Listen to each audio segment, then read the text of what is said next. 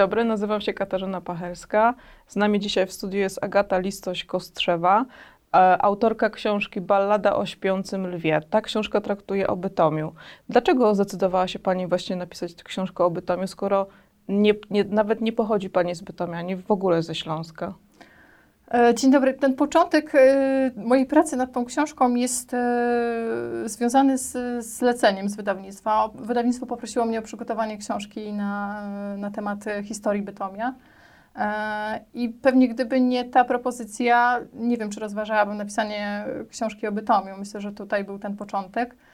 E, no i w trakcie pracy nad, e, nad tą książką, odkrywaniem tej historii, bo ona mi się zaczęła rozrastać, e, no i tak powstała ta ballada. Czyli ten początek jest taki trochę, można powiedzieć, mało romantyczny. Mhm, czyli ktoś po prostu Pani zlecił tak. napisanie tej książki.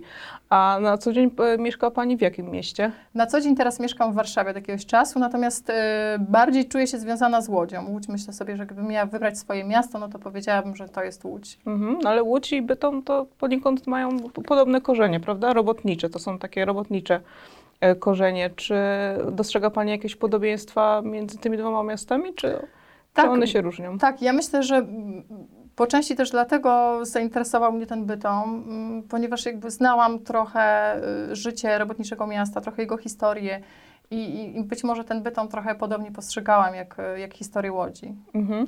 A co, y, co Panią zadziwiło w Bytomiu? Czy, czy były jakieś takie miejsca albo wydarzenia, albo ludzie, które panią, którzy Panią zdziwili y, w Bytomiu? Myślę, że zadziwiające było to, o czym y, wspominałam, y, to, że jakby w ramach jednego miasta są tak różne przestrzenie, że są te przestrzenie tutaj y, poprzemysłowe, że są te E, secesyjne kamienice, ta przepiękna zabudowa te tereny zielone, że jakby wchodząc po Bytomiu i e, eksplorując ten teren, miałam poczucie, że jakby znajduję się trochę w innej bajce co chwila. Mhm. Czyli co, chwilę, co chwilę napotykała Pani inne okoliczności przyrody tak, tak. i nie tylko. E, a ile, ile czasu zajęło Pani stworzenie tej książki, napisanie, zebranie materiałów, bo, bo przecież to jest książka reporterska, czyli rozumiem, że trochę trwało, zanim Pani zebrała wszystkie materiały do niej. Tak, to prawda. Czy ja już się staram y, nie wracać y, myślami do tego momentu, bo musiałabym tutaj zastanowić się, czy, czy nie za długo pracowałam nad tą książką, bo faktycznie e, pamiętam, że umowę na książkę podpisałam na rok. Po tym roku miałam wrażenie, że nie wiem nic mhm. na temat Bytomia. To znaczy miałam e, zebrane informacje i jakby byłam w stanie powiedzieć, co się po kolei wydarzyło w tym mieście, natomiast nie byłam w stanie jeszcze opowiedzieć tej historii w żaden sposób. Nie, nie wiedziałam, je, jak, jak do tego podejść. E, I myślę sobie, że też efekt tego, że to trwało, wydaje mi się, że ponad dwa lata. Jeżeli już dodamy tę pracę już redakcyjną też, to, e, to ponad dwa lata, ponieważ no, książka ma wiele, wiele szczegółów e, i mhm. też pojawia się tutaj ta historia przemysłu. To też było bardzo czasochłonne, żeby do, dogrzebać się tych początków, tego jak to wyglądało, jak to się tworzyło i to już nie jest taka stricte może historia Bytomia, ale też takich technicznych e, opowieści o wydobyciu cynku i o tym, co się wydarzało w, w okolicach e, powiatu bytomskiego i w samym powiecie. Więc dwa, powiedziałabym, że dwa plus, nie? Czyli dwa ponad, lata plus. Ponad dwa lata pracy nad książką o Bytomiu. Ja nie wiem, czy trzy by się nie uzbierały, jakby tak się porządnie zastanowić. Staram się, staram się tego nie robić na razie. Mhm.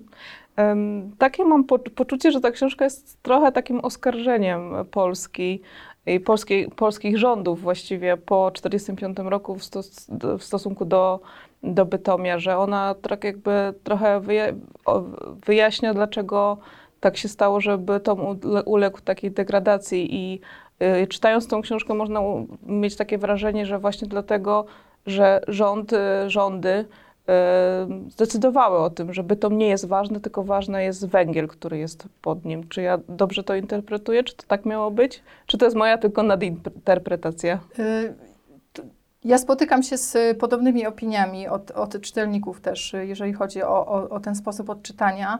E, I myślę sobie, że to też jest efekt jakby nagromadzenia tych wszystkich informacji w jednym miejscu, ponieważ mhm. ja skupiłam się na tym, starałam się odpowiedzieć na pytanie, kto zdecydował, kiedy zapadła ta decyzja, że wchodzimy pod miasto e, i na przykład, że ta eksploatacja będzie zawołowa, że nie będą, że nie będą przestrzegane te wszystkie rygory ustalone wcześniej przez, e, e, przez ekspertów. I idąc tym tropem, faktycznie znalazłam fragmenty dokumentów, które świadczą o tym, że, że liczono się z tym, że tego Bytomia nie odbudujemy, albo że, że on może się zapaść, może się zniszczyć to miasto. Jakby nawet sam ten um, rachunek, który wycenia to miasto mhm. i pokazuje, jaki będzie zysk gospodarczy. I tam nie ma nic o mieszkańcach, nie ma ani słowa na temat tego, co się stanie z mieszkańcami e, tego miasta. I, I, też miałam takie właśnie poczucie, że no, że, że, że to nie jest istotne, że jakby liczy się ten rachunek zysków i strat. Mhm. Bo to w, pani przytacza, że w latach 50. Bytom został wyceniony na 270 milionów ówczesnych złotych. Chyba tak, nie pamiętam dokładnie tej kwoty. Mhm. Z czego jakby y, złoża, czyli wartość węgla to było 100, 100, 160 milionów. milionów. Tego, czyli teoretycznie miasto było więcej warte niż ten węgiel, który się pod nim znajdował, więc to do, dosyć jest takie przynajmniej dla mnie dziwne, że się zdecydowano jednak, żeby ten węgiel tak pod miastem wydobywać. Mhm. No mnie też fascynowało to na przykład przy y, analizowaniu, czy kopalnia Sząbierki ma wejść w filar y, i brano pod uwagę jakby koszty otwarcia nowej kopalni w innym miejscu mhm. i to wchodziło jakby w ten rachunek. To też jest ciekawe, nie? że że to ma, że to ma też znaczenie. Mhm. Czy co by było, gdybyśmy musieli otworzyć nową kopalnię, to wtedy tutaj do tej kwoty dodajmy te koszty, które musielibyśmy ponieść. Mhm. A jaki sposób właśnie się Pani udało dotrzeć do tych wszystkich materiałów? Czy trudno było y, wysupłać te dokumenty dotyczące właśnie y, górnictwa, dotyczące wydobycia y, pod, pod Bytomie, pod, pod filarem Bytomia, bo to nie chodziło o wydobycie w ogóle pod Bytomia, tylko pod centrum Bytomia. Tak, to było trudne, dlatego że y, ja miałam y, poczucie, że, y, że to nie jest taka oczywista historia dla, dla wszystkich. To znaczy, wiadomo było, że coś się wydarzyło, ale nikt specjalnie nie chciał mi opowiadać szczegółów tego, tej eksploatacji. Próbowałam w różnych urzędach górniczych. Przekopałam też archiwa. W archiwum państwowym w Katowicach nie ma za dużo materiałów dotyczących mhm. kopalń, zwłaszcza planów eksploatacji czy ekspertyz, a, ale gdzieś poszczególne można trafić. To jest też trochę kwestia przypadku, bo te teczki nazywają się e, tak, że nie do końca wiadomo, co się w nich znajduje i można coś fajnego trafić, a można po prostu przekopać się przez teczkę i, i, nic tam nie będzie sensownego. Więc y, ja trochę zbierałam tak y, te materiały po kawałku i próbowałam je połączyć w całość. I chyba takim momentem, kiedy udało mi się odtworzyć to, co się działo pod miastem, to był moment, kiedy dotarłam do prywatnego archiwum profesora Knote. Mhm. E, w Krakowie. I on faktycznie pieczołowicie zachował sobie te wszystkie materiały w swoich teczkach. E, I chyba dopiero ten moment, kiedy ja przeanalizowałam te teczki i przeszłam przez te, przez te materiały, oczywiście one musiały, mu, potrzebowałam wielu konsultacji, jakby rozmów z osobami, które się tym zajmują, zwłaszcza z, związane z mechaniką kurotworu, żebym zrozumiała, e, co tam się wydarzyło, jak, kontekst tych wydarzeń. No, ale to chyba był ten moment, tak. To, czyli to nie, to nie była jakaś taka oficjalna droga, którą, mhm. którą udało mi się dotrzeć. Mhm. A właśnie rozmawia pan, Pani tam w, w, do książki i te odpowiedzi ludzi są przytaczane właśnie w książce z wieloma osobami, ale czy łatwo było do nich dotrzeć? Czy spotykała się Pani czasami z odmową? E, rozmawiamy tutaj o bohaterach z Bytomia, czy tak, z Bytomia. O, z Bytomia. To bardzo różnie, bo y, spotykałam się wielokrotnie z, z, odmową, zwłaszcza jeżeli chodzi o rozmowy z osobami przypadkowymi, gdzieś z, zaczepionymi na ulicy. Y, nie, nie, wszyscy byli chętni, żeby rozmawiać. Natomiast szłam też trochę taką poleconą ścieżką, czyli od każdego rozmówcy brałam kontakt mhm. do trzech kolejnych i później od każdego z nich do trzech kolejnych. E, I części kontaktów nie wykorzystałam, to, to się muszę przyznać i bardzo żałuję, no ale nie dało się jakby już wszystkiego y, y, do wszystkich dotrzeć, do wszystkich osób pójść i ze wszystkimi porozmawiać. E, natomiast no, niektórych namawiałam wielokrotnie i niestety nie udało się, a żałuję, bo niektórzy jeszcze e, wiem, że mają tą wiedzę, która mogłaby wiele wątków tutaj mm. roz, roz, rozwikłać. A dlaczego oni nie chcieli rozmawiać? Czy oni pani wyjaśnili swoje powody, czy raczej nie? Nie, raczej nie. Raczej nie, nie wiem do tej pory. Wydaje mi się, że po prostu nie chcą o tym rozmawiać, że, że to jest może trudny temat, bo ten, ta odmowa dotyczyła też y, większości wątków dotyczących eksploatacji. To jest, Mhm. to jest ten temat, który mnie tu fascynował i próbowałam e, tego się dowiedzieć. E, Ale pewnie nie wszyscy mają takie powody. Może były też inne, które za tym stały, bo, bo też e, miałam takie poczucie, że ta historia e, wojenna jest tutaj trudnym wątkiem. Mhm. I ludzie jednak nie, nie chcą o tym rozmawiać. No zauważyłam, że, że, że nie rozmawiamy wprost, że, że tutaj trzeba się wiele rzeczy domyślić, albo trzeba za, zapytać, zadać konkretne pytanie, żeby się dowiedzieć, e, co się działo wówczas, nie wiem, z przodkami rodziny, czy osobami, o których rozmawiamy. Mhm.